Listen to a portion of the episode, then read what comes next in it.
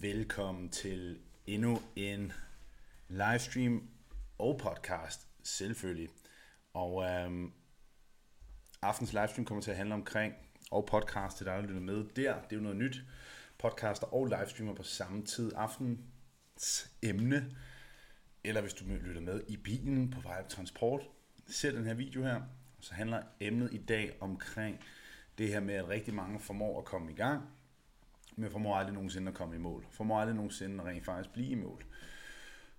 Og det er det jo selvfølgelig med perspektiv på at skabe et, et vægttab, skabe en, en forandring. Og, øhm, og det er ligesom nogle af de ting, jeg kommer til at snakke lidt omkring i dag, hvordan du kan bryde de her udfordringer her, hvordan du kan komme igennem den her med, at en ting er at, at ligesom få kommet i gang, men en anden ting er så rent faktisk at kunne fortsætte med at komme i mål, med at og ligesom holde det her vægttab, den her forandring, som du godt kunne tænke dig, holde den her, hvad skal man sige, hvad end vaner og rutiner, du nu godt kunne tænke dig at sætte i værks. Og det er lige det, vi ligesom kommer til at snakke om i dag. Så først og fremmest, skriv i kommentarfeltet derude på livestream på Instagram og Facebook, hvis det er, at du allerede er i gang med at skabe en forandring. Skriv det, lad mig høre det. Fordi dig, som lytter med, eller ser med, du har garanteret prøvet det her med at sætte noget i gang. Det går rigtig godt, så møder du en forhindring, og så ender du med at stoppe, det slår dig ud, og du ender rent faktisk med at, at give det hele op, og så er du lidt tilbage til square one, fordi du bare har sagt, fuck det hele, det kan være lige meget, stopper jeg bare. Og øh, jeg halløj alle sammen på Facebook og Instagram. Godt at se jer herinde.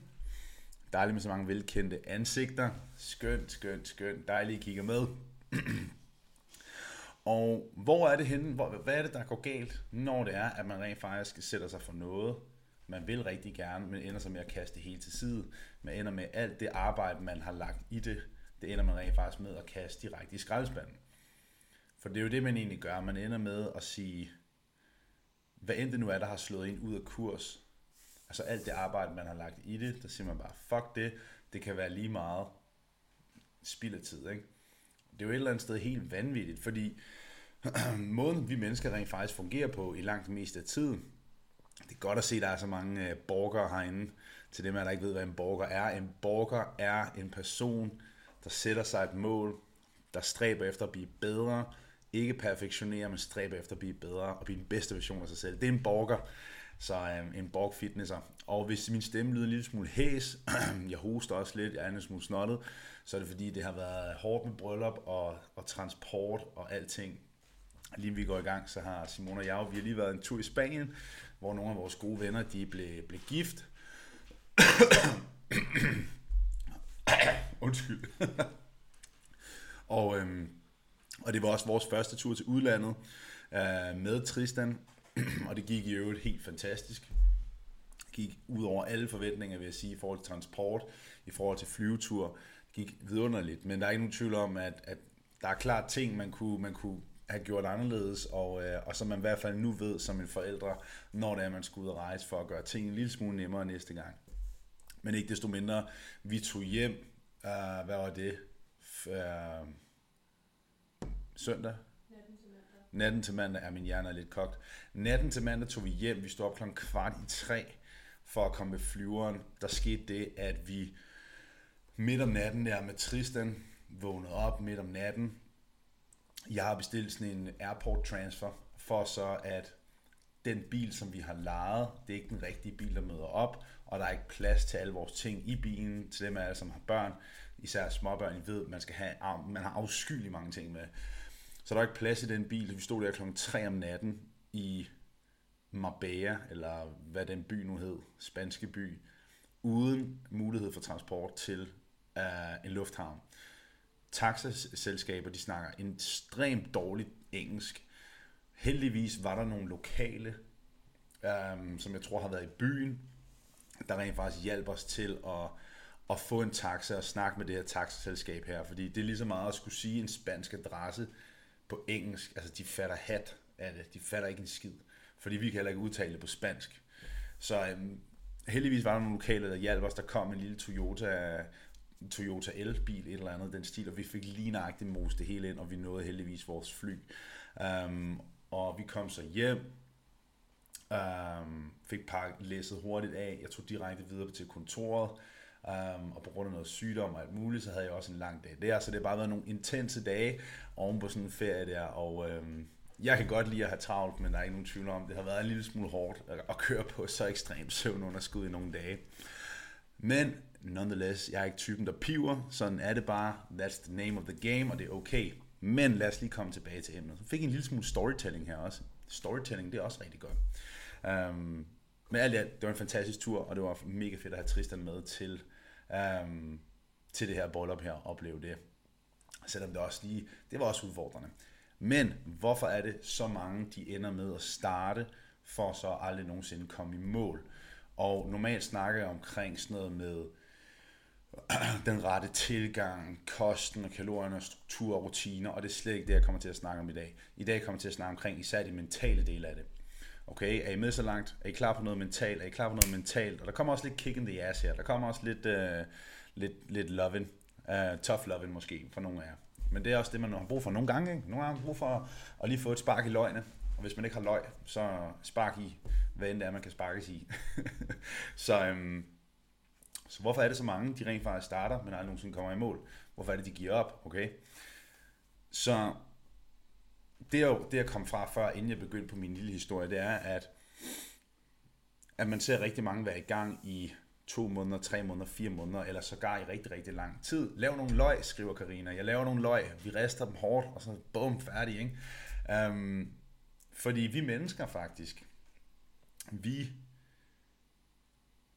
vi har det rigtig, rigtig, altså når vi har investeret rigtig meget tid og indsats i noget, så er vi rigtig svært ved at give slip på det.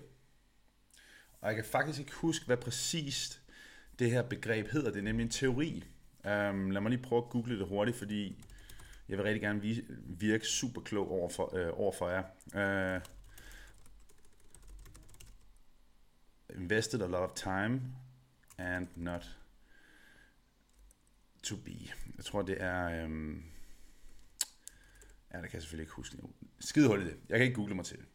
Ikke desto mindre, der er et, en, en sådan teori, der hedder, at jo mere tid vi har investeret i noget, jo mere er vi ikke villige til at se på, at det, at det rent faktisk ikke virker. Og I alle sammen, I kan måske se på det i forhold til et parforhold, man har investeret rigtig mange år sammen, rigtig meget tid, rigtig mange følelser i noget, måske også økonomi, og man er ikke villig til at se, hvor elendigt det her forhold rent faktisk er. Man er ikke villig til at kaste håndklædet i ringen. Og det er ikke sagt, at man bare skal smide håndklædet i ringen, bare fordi noget går skidt. Men forstå mig, forstå mig ret. Vi mennesker, når vi har investeret rigtig meget tid og kræfter i noget, så har vi, har vi enormt svært ved at rent faktisk acceptere, at det her ikke, ikke virker. Og det er jo sådan en balance, fordi man er også nødt til at have investeret rigtig meget tid og kræfter i noget. Man er nødt til også at kæmpe for noget, for at få det til at fungere. Men, men generelt set, og jeg er sikker på, at I alle sammen kan ikke genkende til det, jeg kan godt ikke genkende til det, at fordi det, det her, det gælder alt. Hvis man er i et job, man ikke kan lide, men har været der rigtig mange år, så er man ikke villig til at, at sige det her job op, velvidende, at det her det kommer ikke til at gøre en glad i det lange løb, men man er sådan lidt, ah, men jeg har også været her lang tid, og det er jo okay nogle gange. Jamen i bund og grund, så er det jo der, hvor man faktisk burde overveje at sige op. Og det her, det gælder med alle ting i livet, det er, at når vi har investeret rigtig meget tid, indsats, penge i noget, så er vi ikke særlig villige til at give slip på det, men sjovt nok er vi det i forhold til et vægttab. Vi er villige til at kaste mange uger, mange dage, mange måneder, mange potentielt års kamp for at skabe vaneændringer, for at skabe rutineændringer, for at skabe struktur, for at skabe det her vægttab. Vi har kæmpet og kæmpet og kæmpet noget rigtig, rigtig langt. Og så kaster vi det hele meget hurtigt til side, lige pludselig fra den ene dag til den anden. Fordi lad os nu bare være fucking ærlige. Der er ikke nogen, som har tabt 10, 15 til 20 kilo, som fra den ene dag til den anden har taget det helt på igen. Det er jo fordi, vi, vi, vi ikke er i stand til at acceptere, at det går rent faktisk den forkerte vej vi når ikke at stoppe i tide. Fordi har man tabt 10, 20, 30 kilo, så er det jo fordi, at man, man tager den ene dag til den anden. Jamen, det bliver lige pludselig bedre. Det, det, lige pludselig skal der nok ske noget. Men lige før man får set sig om, så har man rent faktisk taget alle de her 20 kilo på igen. Og det er jo egentlig, fordi man ikke får, ah, reelt set ikke får accepteret, hey, det går faktisk af helvedes til. Det går faktisk ikke, som jeg gerne vil have, det skal gå. Og man ikke får stoppet op i tide og taget fat fordi man ved godt, hvad der skal til, og man har rent faktisk formået at skabe den her ændring her. Du har alt sammen i dig. Du har det hele i dig. For hvis du har skabt forandring, så kan du alting. Det eneste, du så kan, det er at vedligeholde det. Men så er der netop det her aspekt med, at vi, ikke, vi er rigtig dårlige til at stoppe op og sige, det her det virker rent faktisk ikke, jeg er nødt til at stoppe op nu og vende skuden. Så, så det er ligesom det ene perspektiv, så det er også lige så meget til alle jer, som, som følger med nu derude, det er, tænk også lidt i retning af, og det, det gælder alle i livet i bund og grund, at selvom du har investeret rigtig meget tid i noget, rigtig mange kræfter i noget, så, det ikke så betyder det ikke nødvendigvis, at man skal blive i det. Bare fordi du har investeret meget tid, mange kræfter i noget, er ikke ens betydende med, at du skal blive i det. Og det gælder alt. Job, parforhold, øh, en sportsgren, whatever, I don't fucking know, men det kan være hvad som helst. Naturligvis skal man kæmpe for noget. Man skal altid kæmpe og knokle, og man kan ikke bare give op efter nogle måneder. Det kan man ikke. Men der kommer det her point of no return, hvor man også er nødt til at sige, nu er jeg nødt til at, at prøve noget nyt og gøre noget andet. Og så, så der er jo rigtig mange, der, der rent faktisk når i mål, der, der rent faktisk får sagt til sig selv, nu sætter jeg det her i gang, nu gør jeg rent faktisk det her, men lykkes ikke. Og der er flere aspekter i det, og, og det ene aspekt er det her, jeg nævnte lige før, men en anden ting er også lige så meget, at du læner dig op af øjeblikkelig belønning frem for langsigtet belønning.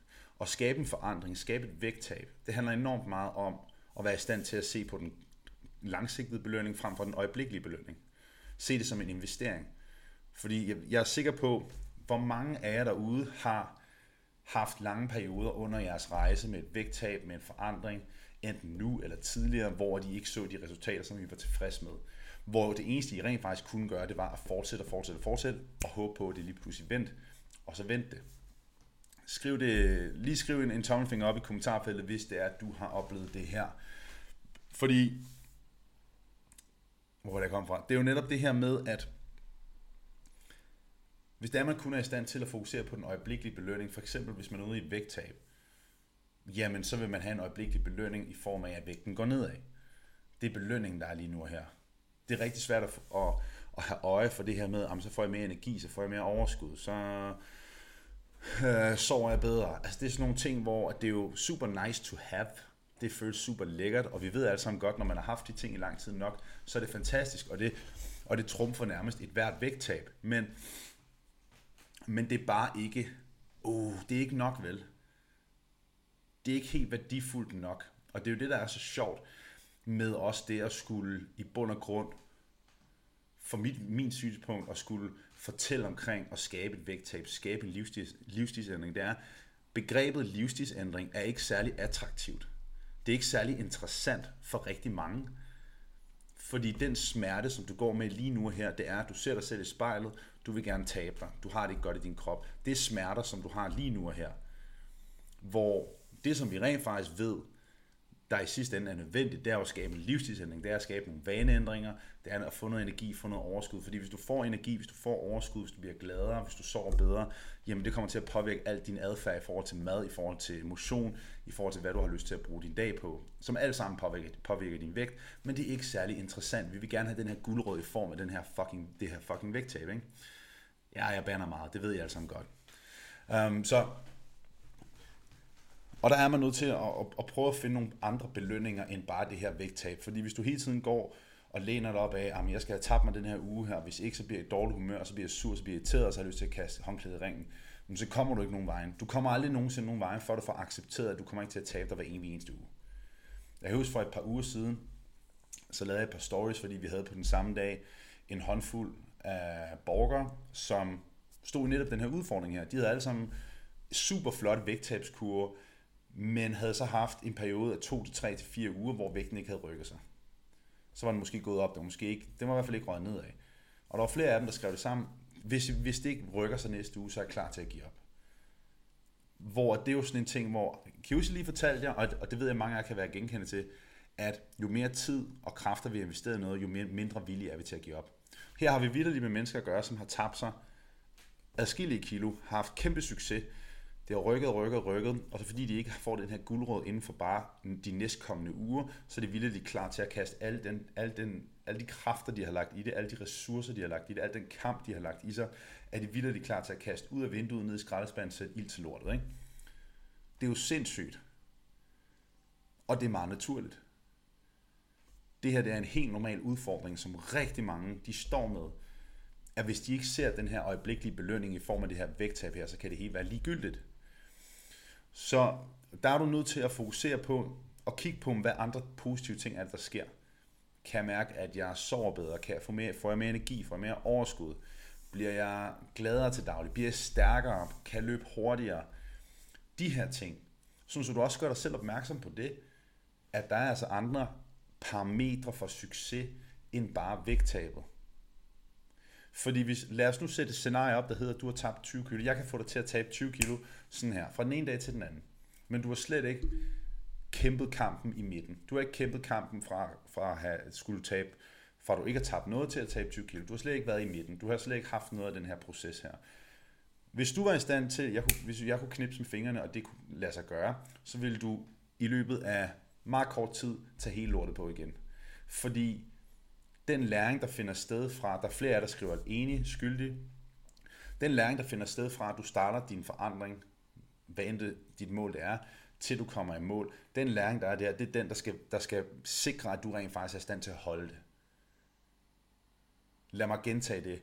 Alt det, der skal til for, at du er i stand til at holde dit resultat, det er den læring, der finder sted lige i midten. Og det er også derfor, at alt det her Vigovi og AstraZeneca, eller hvad fanden det hedder, de her medicin her, for at skabe vægttab, at hvis man ikke får styr på det regnestykke, der ligger i midten, hvis man ikke får styr på vanerne, rutinen, adfærden, jamen så kommer du til at tage det helt på igen, og så ender du på, på, potentielt til at rent faktisk sidde fast med at skulle bruge medicin hver gang du skal tabe dig. Og det er jo heller ikke holdbart, det er også pisse dyrt. Fordi alt det, der ligger i midten, det er det, du har brug for at lære. Vi ser det også på, på folk, som vinder lotto. Vi har set gentagende artikler fra folk, som vinder den helt store gevinst i lotto. De bruger alle pengene i løbet af en årrække, og så er de tilbage til der, hvor de fucking startede. Fordi de ikke har været i stand til at værdsætte penge. De har ikke været i stand til at... De ved ikke noget om, hvordan man genererer penge. De ved ikke noget om, hvordan de skal holde på dem. De, de ved ikke noget om at have penge. De ved ikke, hvad der skal til for at få det. Så de kaster det hele af helvedes til meget hurtigt. Fordi de ikke har regnestykke. De har ikke midten. Og det er det regnestykke, du, der skal skabe en forandring, også er nødt til at lære. Så du er også nødt til at acceptere, at det her med at, at have den her modgang her, have de her hårde perioder, det er en del af processen. Line, jeg vil sætte mig også gerne vinde i lotto. jeg vil sætte mig også gerne vinde i lotto. Skal jeg lige have en sjov historie? Jeg er generelt ikke typen, der køber lotto-kuponer. Um, jeg kan tælle på en hånd, hvor mange gange jeg har gjort det, men jeg ved præcis, hvornår det er, jeg gør det. Og det er, når jeg lige bliver ramt af et weak moment, og jeg kan se, at der er nogen, en eller anden dansker, der har vundet en kæmpe stor gevinst. Og så ser jeg en reklame. Altså, jeg, jeg er typen, der ser en reklame. Og, hvor, og det, der altid står i den reklame, det er, tænk, hvis du vandt. Den her ting, hvis du vandt, ikke, den rammer mig lige i hjertet. Tænk, hvis du vandt. Især hvis jeg får den her reklame sidst på aftenen. Line skal til at lægge mig ind i seng. Simone, hun sidder her længere nede ved sofaen. Hun ved bare, hver gang så siger jeg sådan, åh, skal jeg tænke, tænke hvis vi vandt? Prøv lige at tænke over de her ting, vi skulle. Øj, wow, det bliver jo for vildt det her. Og jeg, jeg har jo ikke vundet noget endnu, vel? Uh, men um, det er altid den her ting, hvis jeg vandt. Det er hver gang, det er den der håndfuld gange, jeg har købt lotto-kuponer. Men jeg har noget principielt imod det her med lotto, fordi, fordi det er bare sådan en ting, hvor oddsene for, at du vinder, er så forsvindende fucking små, at Ligesom I har hørt, I, I måske se, så den video, hvor jeg snakker om snooze-knappen. Jeg ved godt, jeg løber lidt off-rail lige nu, uh, off-topic, men, men jeg synes, det er meget sjovt, den her. Ligesom det her med snooze-knappen. Jeg har noget helt principielt imod snooze-knappen.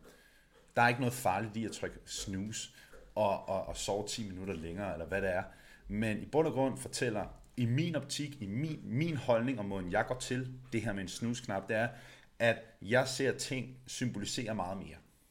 Fordi for mig personligt trykker jeg snooze, så udskyder jeg alt det, som jeg godt kunne tænke mig at sætte for hovedet for dagen. Jeg ud, når jeg trykker snooze om morgenen, så fortæller jeg mig selv, det er okay, Jacob, du kan godt udskyde. Du kan godt udskyde på at tage op og træne. Du kan godt udskyde til at tage aktion på det, du godt kunne tænke dig. Du kan godt udskyde på X, Y, Z.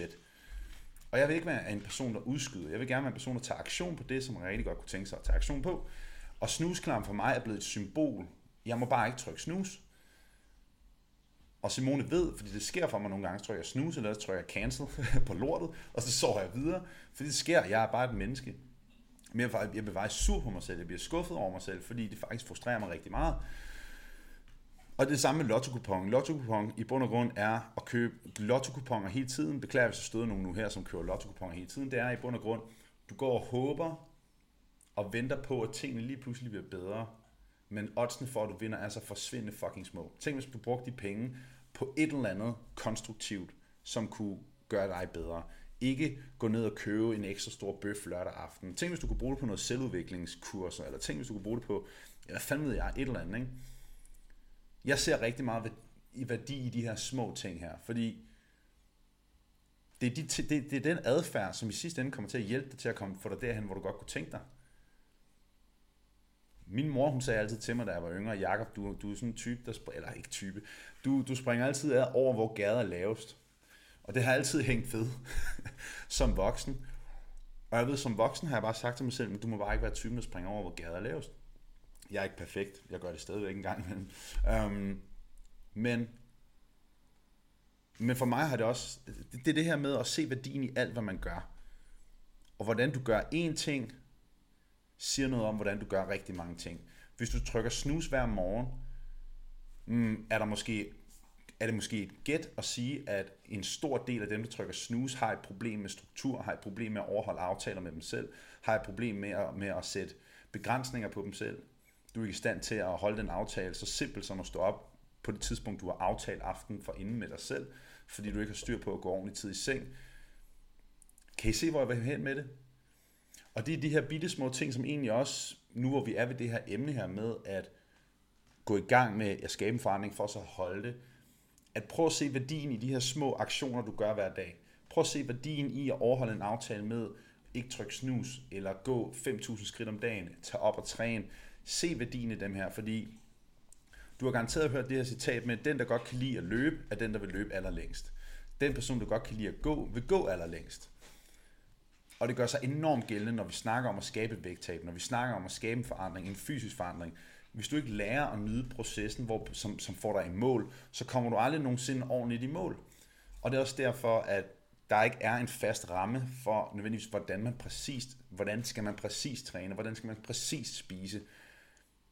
Du ved, du følger med hos mig her, at, at jeg har jo nogle, nogle, nogle rammesætninger, noget som jeg synes er godt, vi synes er godt her hos Borg Fitness, for at hjælpe folk i mål. Men, men du ved også, at der er ikke nogen, der får at vide, at du skal styrketræne, medmindre du, du altså, det er klart, hvis du bygger muskelmasse, så skal du styrketræne. Men, men der er ikke noget, du skal gøre x, y, z nødvendigvis. Der er nogle rammesætninger, så naturlige rammesætninger, som er nødt til at finde sted. Men, men resultater kan skabes på rigtig mange måder. Fordi i sidste ende, så er du nødt til at lære at nyde den proces, som finder sted. Fordi den læring, der sker fra, at du starter til, at du kommer i mål, det er den læring, der skal hjælpe dig til at holde den forandring, du godt kunne tænke dig at se. Så for at vende tilbage til det her med, at fokusere på den langsigtede belønning kontra den kortsigtede belønning. Er I med så længe? Skriv lige, uh, lav en, en, en ild-emoji i kommentarfeltene, Instagram, Facebook. Lav en ild-emoji, den der med flammerne. Flammerne, hvis I er med så langt ting. Jeg vil gerne se nogle flammer. Jeg vil se et flammehav i kommentarfeltet. Okay? Flammehav. Kom så. så. Og det er der, hvor man, man så må prøve at finde belønning andre steder fra. Sådan så vægten ikke er den eneste belønning, du får. Vægten må ikke være den eneste belønning, der er. Og jeg kan godt forstå, at det er jo den belønning, du godt kunne tænke dig at se. Men du er nødt til at se på andre ting. Du er nødt til at kigge på nogle af de andre fordele, som du oplever i ugen. Ja tak, jeg ser Flammehav. Hvor det stærkt. Jeg er vild med det. Louise på Instagram, stærkt. Vibeke, Anita, Jakob. Yes, I love it. Det vælter ind med flammer. I like the flames. Så prøv at se på, hvad, hvad andre fordele kunne der være? Hvad, hvad oplever du ellers, som har været positivt? Og det er derfor, alle dem, som vi hjælper, som er i forløb, de skal hver evig eneste opdatering skrive en positiv oplevelse. Det er helt bevidst, at det er en del af, af den her ugentlige opdatering, fordi det er så fucking vigtigt at fokusere på nogle af de positive ting. Finde en positiv oplevelse, selvom ugen har været af helvedes til. Den er så vigtig at finde det her positive mindset frem og finde noget godt i noget, som, som, som minder om et badekar fyldt med lort. Ikke? Fordi sådan kan en uge godt føles. Du har kæmpet, du har knoklet, og du træder på vægten mandag morgen, og fandme så, om du ikke lige vejer halvanden kilo mere. Og du begynder at stille spørgsmålstegn til dig selv. Var det det her, der gjorde det? Var det lige, at jeg var lidt nogle gram for meget, eller jeg tog lige et glas vin fredag aften? Var det det? Du stiller spørgsmålstegn til alt, hvad du gør. Og det er derfor, det er så vigtigt at have en plan, det er at have noget at gå efter, have noget struktur på tingene, fordi så er det meget nemmere. Man kan meget nemmere se på, hvad det er, man gør rigtigt, og hvad man gør forkert, og hvad man kan ændre på. Så det var ligesom den her del med at fokusere på den langsigtede belønning frem for den kortsigtede belønning. Og nu gentager jeg det her for en sidste gang. Du er nødt til at finde det positive i en dårlig uge, i en dårlig dag. Du er nødt til at prøve også at overveje nogle af de ting, du gør i det daglige, for eksempel snusknappen. For eksempel, at når du lige tager nogle mandler op på din vægt, hvis du vejer din mad, at du lige tager en håndfuld. Her snakker jeg om kalorierne, her snakker jeg om, at du sætter dig, du har en rammesætning, men du overskrider rammesætningen. Her snakker vi om kalorier om noget som helst, men vi snakker om, om det mindset, der ligger bag i. Hvis jeg beder dig om at hoppe 5 meter, hopper du 2 meter, men du hoppede? Eller hopper du 7 meter? Når du trykker snus om morgenen, trykker du, er, du, er det så også et afspejling af, hvordan du griber alt andet, du gør, an? Du ikke tager aktion. Du overholder ikke din aftale med dig selv. Er det sådan, du griber mange af dine ting an, som du sætter dig for til dagligt? Prøv at tænke i den retning her. Hvordan du gør én ting, fortæller noget om, hvordan du gør rigtig mange ting. Og det næste, jeg gerne vil dykke ind i, der er som rent faktisk formå at komme i gang. Fordi, som jeg også skrev i den her livestream her, og i den her podcast, der er du lytter med på podcasten, rigtig mange formår at komme i gang. Husk på, at du har allerede nu besejret en stor ting. Det er nemlig det at komme i gang. I dag sad vi og oprettede nogle nye borgere og øhm, nye til Borg Fitness-familien. Og der var faktisk flere, der havde skrevet, jeg har tænkt over det her i så lang tid. Jeg har overvejet det i rigtig, rigtig lang tid. Og, og det er jo fordi, at bare den første forhindring, som er det at søge hjælp, eller det at tage aktion på dit mål, det er jo en kæmpe stor hurdle. Men lige der selvom du har rent faktisk formået at sætte det her i gang, du er rent faktisk så sej, at du tager aktion på noget. Der er mennesker, som bruger deres liv på undskyldninger, udskyde, prokrastinere, komme med bortforklaringer på, hvorfor det lige nu ikke er det rigtige tidspunkt. Men du har rent faktisk taget aktion. Du har rent faktisk gjort noget så sejt, at du har sprunget ud over vippen, klippen, whatever, i håbet om, du kan flyve. I håbet om, at det her det kommer til at lykkes. Det i sig selv er fucking sejt. Det i sig selv er langt bedre end 90% af befolkningen, som bruger størstedelen af deres liv på at komme med forklaringer på, hvorfor det ikke kan lade sig gøre. Så husk lige på, hvor sej du rent faktisk er.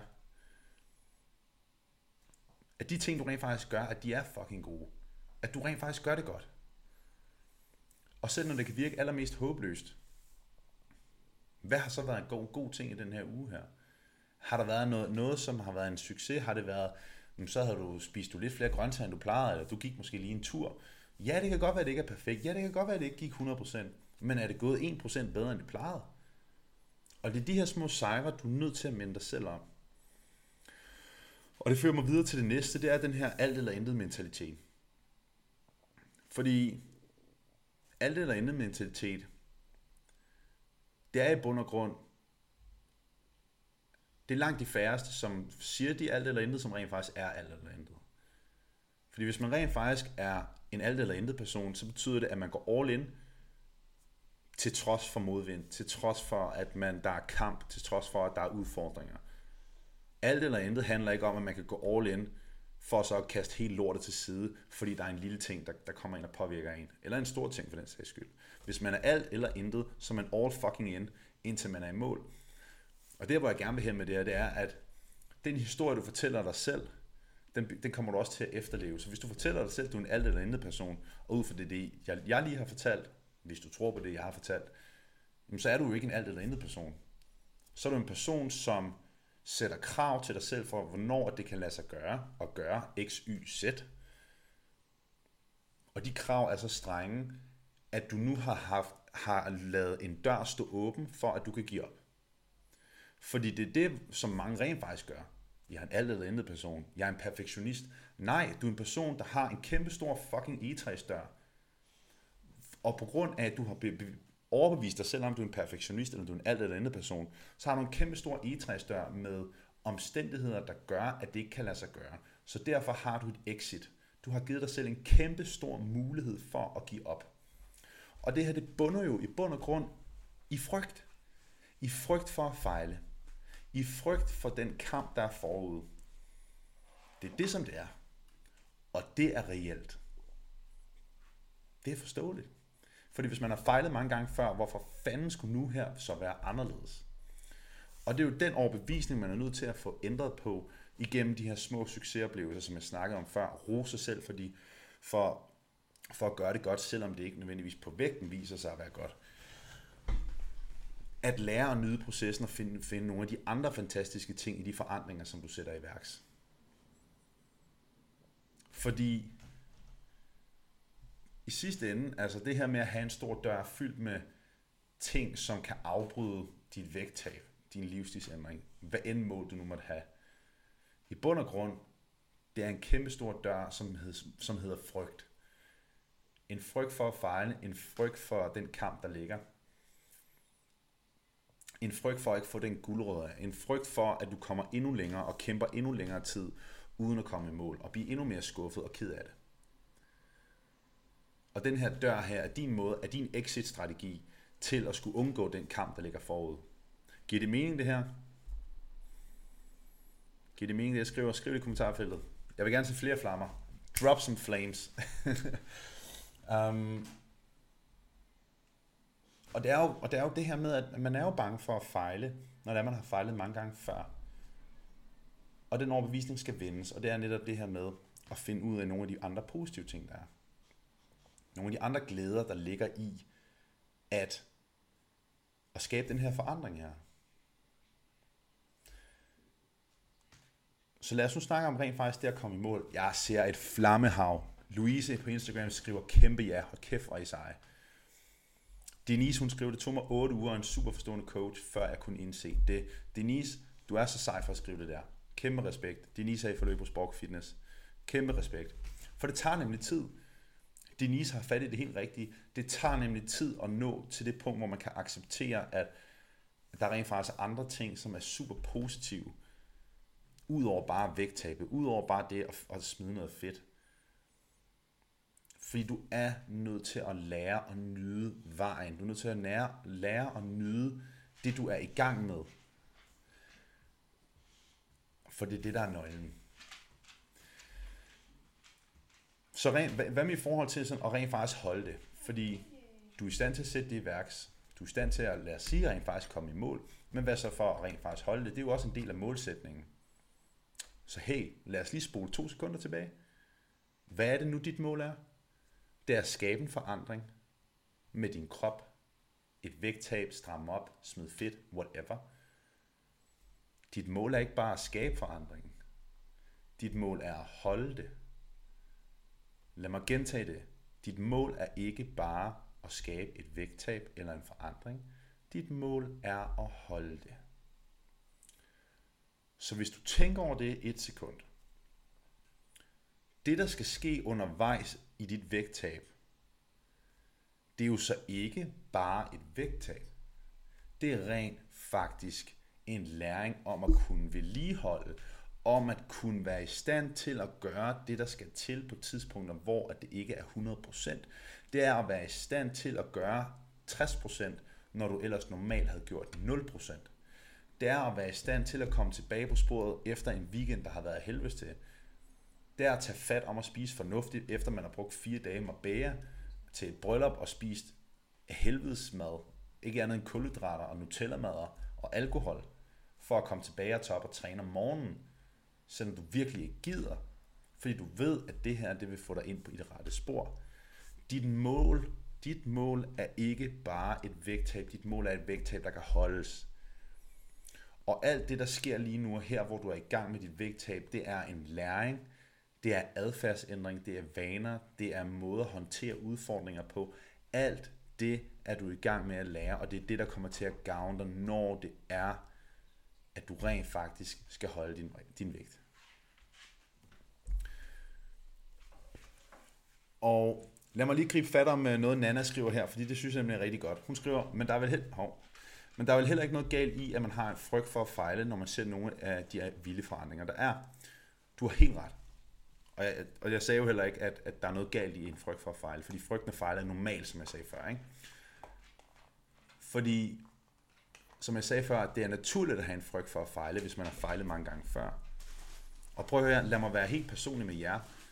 Jeg er selvstændig, og jeg har været det i, jeg ved ikke, hvor lang tid det har været 7 år, 8 år, 9 år, 6 år, I don't know. Hvor lang tid har jeg været selvstændig? Spørg du mig? Ja, 6, 7. 7, 7 år nu. 7 år. 7 år har jeg været selvstændig. Altså den frygt, jeg havde for at kaste min læreruddannelse af helvedes til, satse på noget, som der ikke var nogen, der levede af, dengang jeg startede med det. Min frygt for at fejle, den var så stor. Jeg får stadig den dag i dag, og ved det, til, til dem af jer, der følger med i, øh, i hvad jeg lægger op, den dag i dag har jeg stadigvæk mareridt om, at jeg ikke tog min, min læreruddannelse færdig. Jeg har stadig mareridt om at fejle. Jeg har stadig mareridt om, at jeg lige pludselig står tilbage med ingenting. Den dag i dag har jeg stadig mareridt. Den dag i dag er jeg stadig sindssygt bange. Frygter jeg stadigvæk at fejle. Jeg frygter stadigvæk, at der går et eller andet galt, at, der er et eller andet, at det smuldrer imellem mine hænder. Jeg har så stor en frygt for, at det stadig, altså, at det fejler. For, jeg har så formået at forvente til en ild ind i mig. Ild emojis. Flammehav. til at det kan blive, til at det kan give mig ild ind i. Til at sige, jamen Jacob, så må du gøre dit absolut bedste. Så må du presse hårdere, end du kan. Så må du gøre det, der skal til på tidspunkter, hvor du virkelig ikke har lyst til det. Fordi jeg er hunderad for at fejle. Hunderad, mand. Og det er så normalt. Det er så normalt.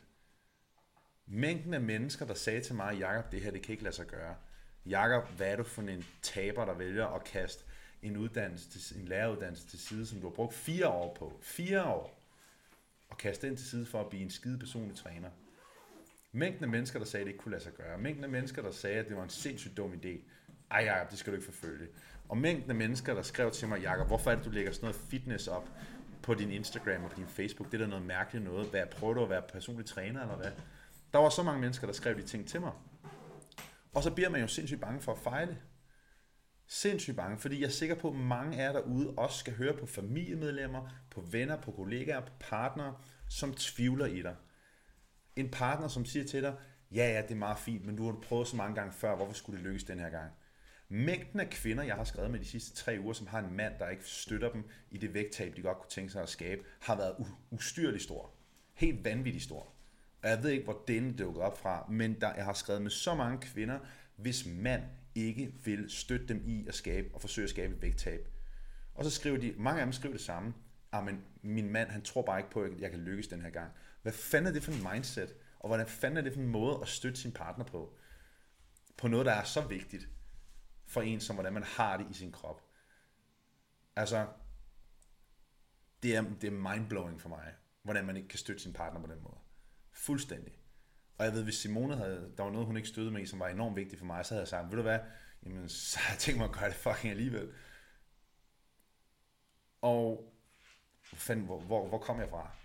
Frygten for at fejle normalt, fordi man skal høre på familiemedlemmer, nu skal du ikke tabe dig mere, nu bliver du lidt for fanatisk, skal du virkelig sidde og spise salat, tag nu bare et stykke. I har alle sammen hørt dem. Hvor mange af jer har hørt den her? Tag nu bare et stykke, gør nu bare det her, kan du ikke bare lige, kan du ikke bare lige springe træning over? Alle de her ting her. Jeg er sikker på, at så mange af jer har hørt det. Så man skal hele tiden forholde sig til alle de her holdninger og ting rundt omkring, hvordan du burde gøre det, hvordan du burde leve dit liv. Og i sidste ende, alt det her, det påvirker bare ens, ens, sådan ens tvivl på dem. Burde jeg gøre mere? Burde jeg fortsætte? Burde jeg tabe mig yderligere? Burde jeg stoppe? Burde, burde jeg rent faktisk tabe mig? Burde jeg gøre det her? Gør det for Harley? Slut. Det er lige min hund. Gør jeg det her for mig selv, eller gør jeg det her for min familie? Eller er det bare fordi min partner siger, du er fed, du skal tabe dig, men du har, rent, du har det rent faktisk fantastisk i dig selv. Du har ikke lyst til at tabe dig. Og så burde du jo ikke tabe dig. Okay. Vi kommer vist lidt vidt omkring her, var. og tror egentlig, at det er der, hvor vi runder hele det her emne af på. Så jeg vil rigtig gerne besvare nogle af jeres spørgsmål nu til det her emne her. Nogle af de ting, som du er i tvivl om, noget som du er udfordret af. Skriv det i kommentarfeltet, så sidder jeg klar til at, at svare på det hele. Og i mellemtiden her, så, øhm, så lad mig, komme, lad mig skrive lidt til nogle af de ting. I, og jeg vil også bare lige sige tusind tak til jer, der skriver alle de pæne ord her. Øhm, jeg tror, imens I finder på nogle spørgsmål, hvis I har noget, som du er i tvivl om, noget du kæmper med, noget du er udfordret af, så, øhm, så vil jeg også bare sige, at det er også bare normalt at være bange for at fejle. Det er normalt at være i tvivl om, man gør det rigtige, og, og tvivle på, om man gør det rigtige.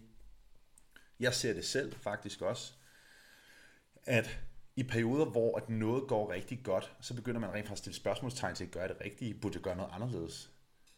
Det er lidt sjovt, ikke? Fordi jeg kan se det på mig selv. Perioder, hvor noget går rigtig, rigtig godt, så kan jeg have en tendens til at tvivle endnu mere på mig selv, om jeg rent faktisk gør det rigtigt.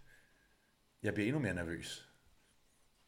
Og, og det er sådan, vi har alle sammen en tvivl i os, og, og jeg tror så rent faktisk, man kan vende den her tvivl på sig selv til noget rigtig positivt.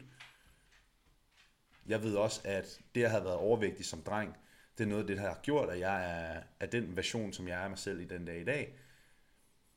Fordi jeg er i stand til at sætte mig ind i andre folks sted, som ikke har det godt med deres krop. Andre mennesker, som ligesom mig som dreng oplevede ikke at turde sidde tilbage i en sofa, som altid satte en pude foran sig. Jeg ved, hvordan det føles at gå med siden til, når det blæser, fordi man, man ikke vil have, at t-shirten sidder op langs ens, ens steller på kroppen. Hvordan det føles ikke at turde tage en hvid t-shirt på, fordi hvid eksponerer ens sådan deller. Jeg ved, hvordan det føles at, at snige sig langs væggen, langs væggen i omklædningen, og når man skulle i bad, og have det sindssygt ubehageligt med det. Hvordan det føles at tage en trokkervask frem for at gå i bad, fordi at der var andre i omklædningen. Altså, jeg ved, hvordan det føles. Jeg ved, hvordan det føles at, at have en hættetrøje på, når det er sommer, fordi at, man, at, at jeg var for flov til over min krop, til at turde have en t-shirt på.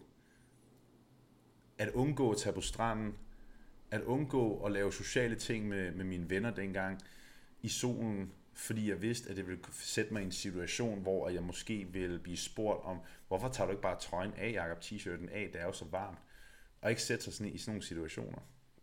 Så jeg ved, hvordan det føles, og det har uden tvivl gjort, at jeg har en kæmpe stor ildebrand inde i mig, i, ildebrand, i forhold til, at jeg ved, hvad det koster, hvis det er, at jeg stopper med at tage, tage mig af mig selv. Øh, for jeg har været der.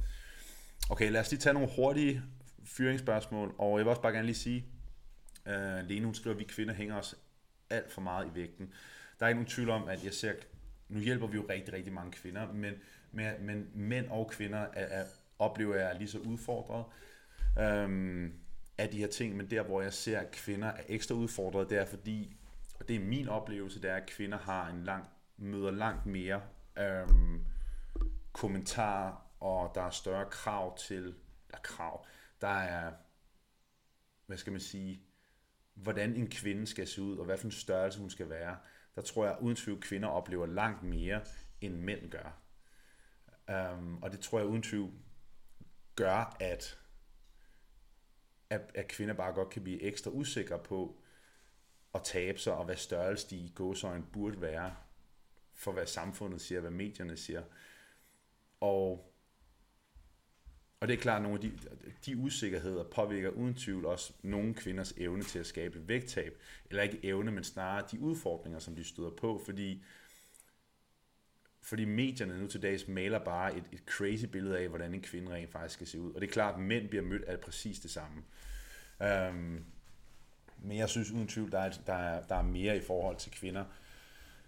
Uh, ikke noget appelsinhud, og man må... Hvad siger du, skal? Amen. Ja, at, at appelsinhud, det er ikke noget, en kvinde burde have. Det har langt de fleste kvinder, øh, hvilket er helt normalt og okay. Um, og at kvinder skal have en bestemt størrelse, og man skal have thigh gap og whatever, I don't know, og man skal have en stor fyldig røv, og man skal det ene eller andet tredje. Altså, det tror jeg i langt større grad, end mænd i hvert fald bliver mødt af. Der er dog stadig krav til mænd, eller krav, der er stadig nogle i forhold til mænd også, og det, det har jeg altså set udvikle sig de seneste mange år. Jeg tror klart, at den yngre generation af blandt andet mænd bliver også mødt med mere og mere flere krav til udefra, hvordan en mand burde se ud, og hvordan en mand burde opføre sig, som heller ikke gør det helt nemt. Nå, lad mig lige nappe et par af jeres spørgsmål. Vægttab uden at træne, er det okay i en periode? Ja, det er det absolut, Ria. Et vægttab kan sagtens finde sted uden, uden at dyrke noget træning. Der er ikke nogen tvivl om, at træning hjælper jo rigtig, rigtig meget, fordi det gør en forskel i forhold til, at du forbrænder flere kalorier, men også bare det rene skær sundt. Det er godt for din krop. Og det er altid det perspektiv, som vi har på træning her hos Borg Fitness, det er, træning er i, i langt, de langt færreste tilfælde spørgsmål om, hvor mange kalorier du forbrænder, men mere spørgsmål om at være fysisk aktiv og behandle din krop pænt. Tag dig af din krop. Hvad er den bedste træning, hvis man gerne vil af med elskovs håndtagene, lidt for meget på maven, altså the lovey-doveys og the chopper for the hopper på maven. Um, den bedste træning, der findes ikke en bedste træning for at komme af med elskovshåndtagene eller for meget på maven. Det, der skal til for at skabe det vægttab, som der skal til, det fedttab, der skal til, for at smide de steder her, det er et kalorieunderskud, som primært sker igennem kosten. Man kan ikke lave noget specifik træning for at smide elskovshåndtagene. Man kan ikke lave noget specifik træning for at smide fedtet på maven. Der er man nødt til at tabe sig, og det sker primært igennem kosten. Louise, tusind tak, fordi du skriver det. Dygtig team, dygtig coach.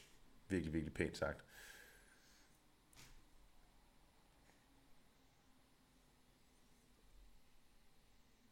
Jeg kan godt lide det. Maria, hun skriver, jeg har været i forløb nu i 14-15 uger, og jeg er endelig nået dertil, hvor jeg kan sige til mig selv, nej, det er ikke synd for mig, så er jeg stedet op og træne. Det var virkelig et gennembrud for mig. Jeg er sikker på, at det her er en af de ting, som gør, at jeg holder den her gang. Det er faktisk en super god pointe lige at tilføje det her. Um, fordi mangens vægtforøgelse, når de er kommet i mål, eller hvorfor det er, de stopper undervejs, det er også fordi, at der kommer noget selvmedlidenhed ind. Det er synd for mig, at jeg skal tabe mig, eller det er synd for mig, at XYZ, XYZ er sket for mig men hårdt og brutalt, så er der bare det, der hedder, du kan ikke, på, du kan ikke gøre noget ved det, der sker for dig, men du kan gøre noget ved, hvordan du vælger at håndtere det. Og det er den fucking barske sandhed, og der er altid nogen, der vil sige, jamen jeg har jo XYZ, og jeg har været imod, jeg har kæmpet med XYZ. Ja, men altså, der er ikke noget at gøre fucking ved det. Der er uden tvivl nogle mennesker, der er heldigere end andre. Men hvad vil du gøre ved det? Du kan enten vælge, vælge at, at være ked af det over, og, og, og ynke og lade det begrænse dig, eller du kan vælge at, at prøve at gå til det konstruktivt og se om, hvad kan du så få ud af det i stedet for. Og det er ikke en, det er ikke en særlig rar sandhed at høre, men, men det er i sidste ende den eneste sandhed, som vi kunne gavne, det er, at du kan ikke kontrollere, hvad der sker mod dig, men du kan delen du kontrollere, hvad, hvordan du vælger at håndtere det. Fint nok, hvis man har brug for at bearbejde, hvad end der nu måtte ske i ens liv. Men hvis du stadig et halvt år efter ligger på jorden og bruger det som en forklaring på, hvorfor du ikke kan tage dig af dig selv, så er det det, du måske skal overveje, hvordan det er, du så rent faktisk griber det an. I sidste ende, jeg bedømmer ingen. Man kan, man kan bruge sit liv på, hvad fanden man har lyst til. Jeg bedømmer ikke nogen. For jeg er i bund og grund, det er dit liv, så du gør, hvad fanden du har lyst til med det. Men, men man er fandme nødt til, i stedet for at bruge det som en helt sådan en forklaring på, jamen der skete det her mod mig, der skete det her, det her jeg var ude for det her, jamen, men altså, skal det, skal det begrænse dig resten af dit liv? Skal den, det, hvad end der nu skete for dig, skal det være det, som ender med at holde dig tilbage? Noget, som nogle andre var i skyld i, eller noget, som var uheldigt? Er det det, der skal holde dig tilbage, eller kan du prøve at forvente til noget positivt? Eller i hvert fald om noget, få sagt til dig selv, jamen, jeg må håndtere det på en anden måde, fordi ellers så ender jeg med at sidde fast hernede. Andet er der ikke at gøre.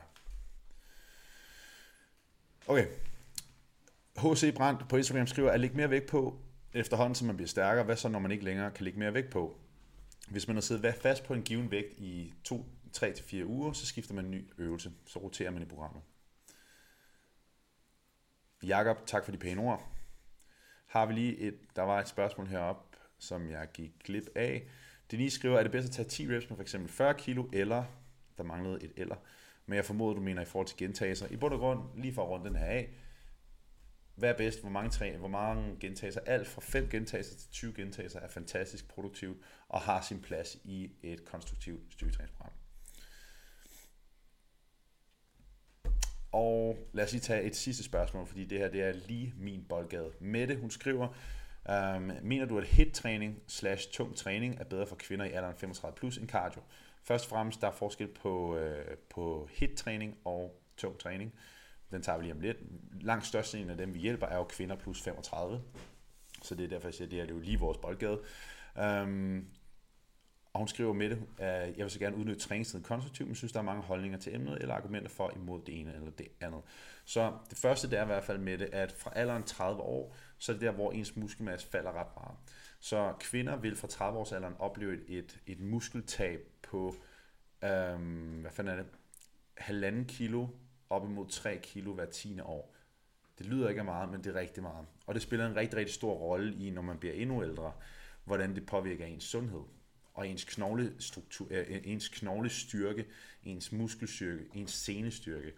Så jeg vil altid være en fortaler for, og det er uanset hvem man er, for et ren og skært sundhedsmæssigt perspektiv, så er så burde alle lave styrketræning. Og det er ikke ud fra et kosmetisk perspektiv, ud fra et vægttabsperspektiv, det er ren og skær ud fra et helbredsmæssigt perspektiv. At alle burde lave noget styrketræning i et eller andet format. Hvor meget det så er, det, er jo så, det, det kan man jo gøre på tusind forskellige måder.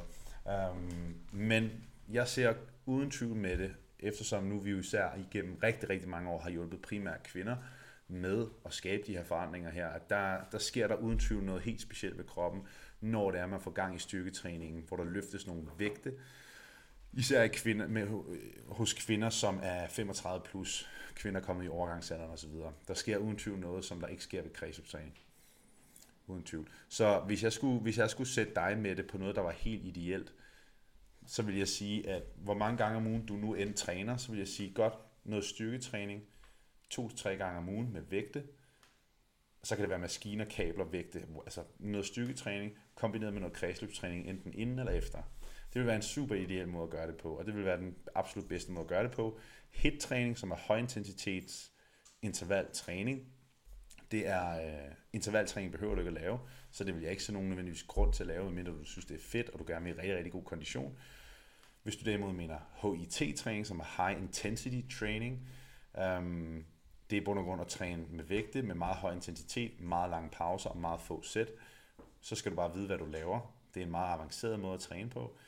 Øh, men tung træning generelt, løft nogle tunge vægte inden for 5-30 gentagelser, giver super god mening. 5-20 gentagelser, undskyld. Anja, i gang i 10 uger, smidt 10 kilo. Ja, yeah. jeg har kun gennemført en træning. Øh, jeg har kun gennemført træning en gang. Til gengæld er vi i gang med at renovere hus. Yes, det siger noget om, at kosten er det absolut bedste.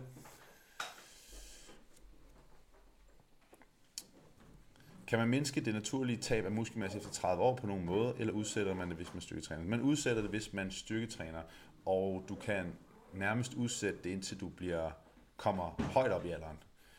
Og det er jo det, der er så fantastisk ved det, det er, at styrketræning kan rent faktisk udsætte de negative ting, der sker med kroppen enormt mange år. Du kan stå som, lad os sige, du som, lad os sige, man er 35 år gammel nu, du i en krop er begyndt at miste muskelmasse.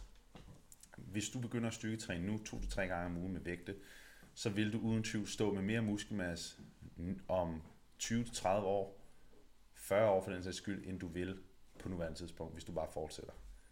Og det er jo fantastisk, ikke? Det er jo meget fantastisk. Så det var aftens livestream, det var aftens podcast. Tak fordi I kiggede med, lyttede med og var så god til at smide ildhav herinde. Jeg håber virkelig, at, øh, at du fik noget ud af aftens livestream. Fik noget af det hele. Gå altid ind på borgfitness.dk, hvis du har brug for hjælp i forhold til at skabe vægttab, skabe en livsstilsændring, se nogle resultater. Vi sidder topklasse i hjælp.